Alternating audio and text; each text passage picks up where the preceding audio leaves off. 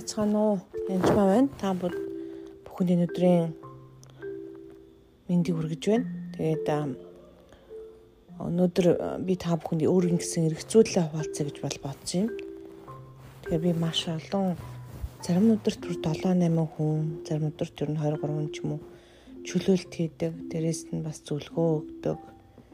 За ингээд ярьдаг, уулздаг ч бас байдаг олон хүмүүстэй уулзж яхад харах үед аа заримдаа амархан байдгүй.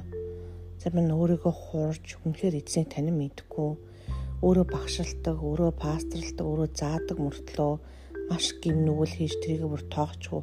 Өө би гимшээд л уучлчих шүү дээ гэсэн байдалтай хүнтэй явуулдаж завхаарч сүмхэн байшин савыг тавьж барьцаанд а эсвэл бүр бөө мөргөлтөд шүтэн дээр хүртэл очиж лам дээр хүртэл очих талууд байгааг би мэддэг. Тэгээ зөв замд нь ороосоо гэсэндээ тэр хүнийг бас бурхан өвтгөд завааж эзнийг хайж байгааг бас би мэддэг. Энийг би үүсэхгүй яагаад гэвэл эзэн бол шудрах шүүгч байгаа. Тэгэхэд үнэхээр шүүхгүй бол орхихгүй. А тэгээд аль болох зөв замд нь оруулах гэж арга чаргаа байдгаар нь л барьдаг бурхан. А нөгөө талдаа зөв зүгээр явж байгаа мөртлөө эзнес хитрхи имэж айж хийсэн жоохон алдаагаа өө эзэн л намайг ингэж хийтгэж байна. Би гим нүгэлтэй амтан гэдэл байнга өгүүлж байгаа хүмүүсийг бас би хардаг. Арай л хитрхи. Библийн ишлэлийн зармын хаагур нүгэрсэн бэ гэж батмаар хүмүүс. Жишээлбэл дуулал 103-ын 8-аас уншия.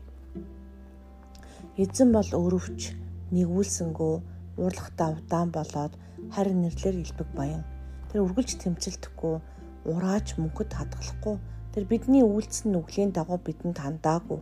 Бидний гин буруугийн дагуу бидэнд хариу өгөөгүй.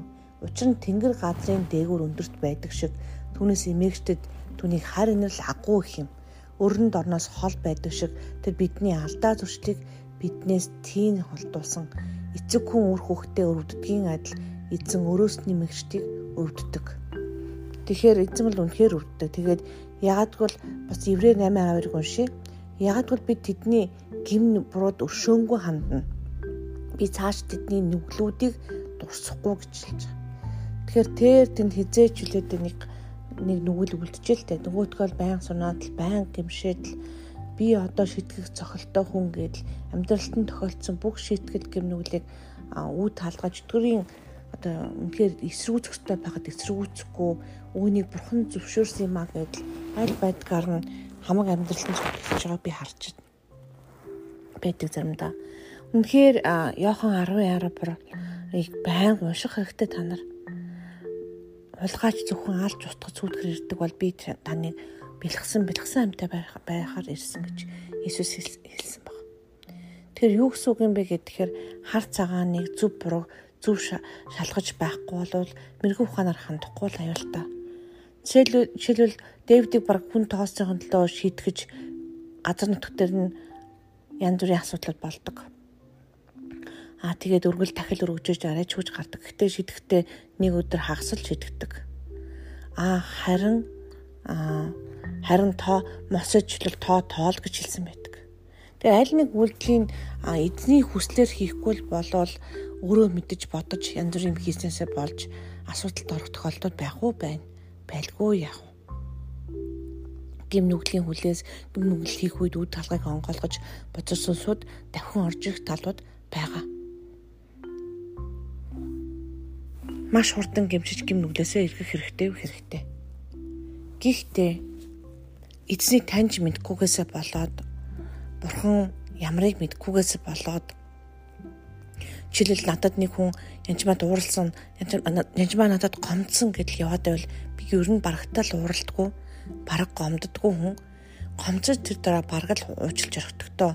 Би ягаад бол өдөртөө тэр хүнийг уучлж цэвэрлэх ёстой гэдгийг маш сайн ойлгодог. Яг бол би энийгээ заадаг, зөвхөн заагаа зогсохгүй өөртөө хэрэгэлдэг. Яана гэж айгаад ярихгүй удаж байгаа хүмүүсийг хүртэл би мэднэ. Түүнтэй адилхан бурхныг бас тэгж боддог хүмүүс байна.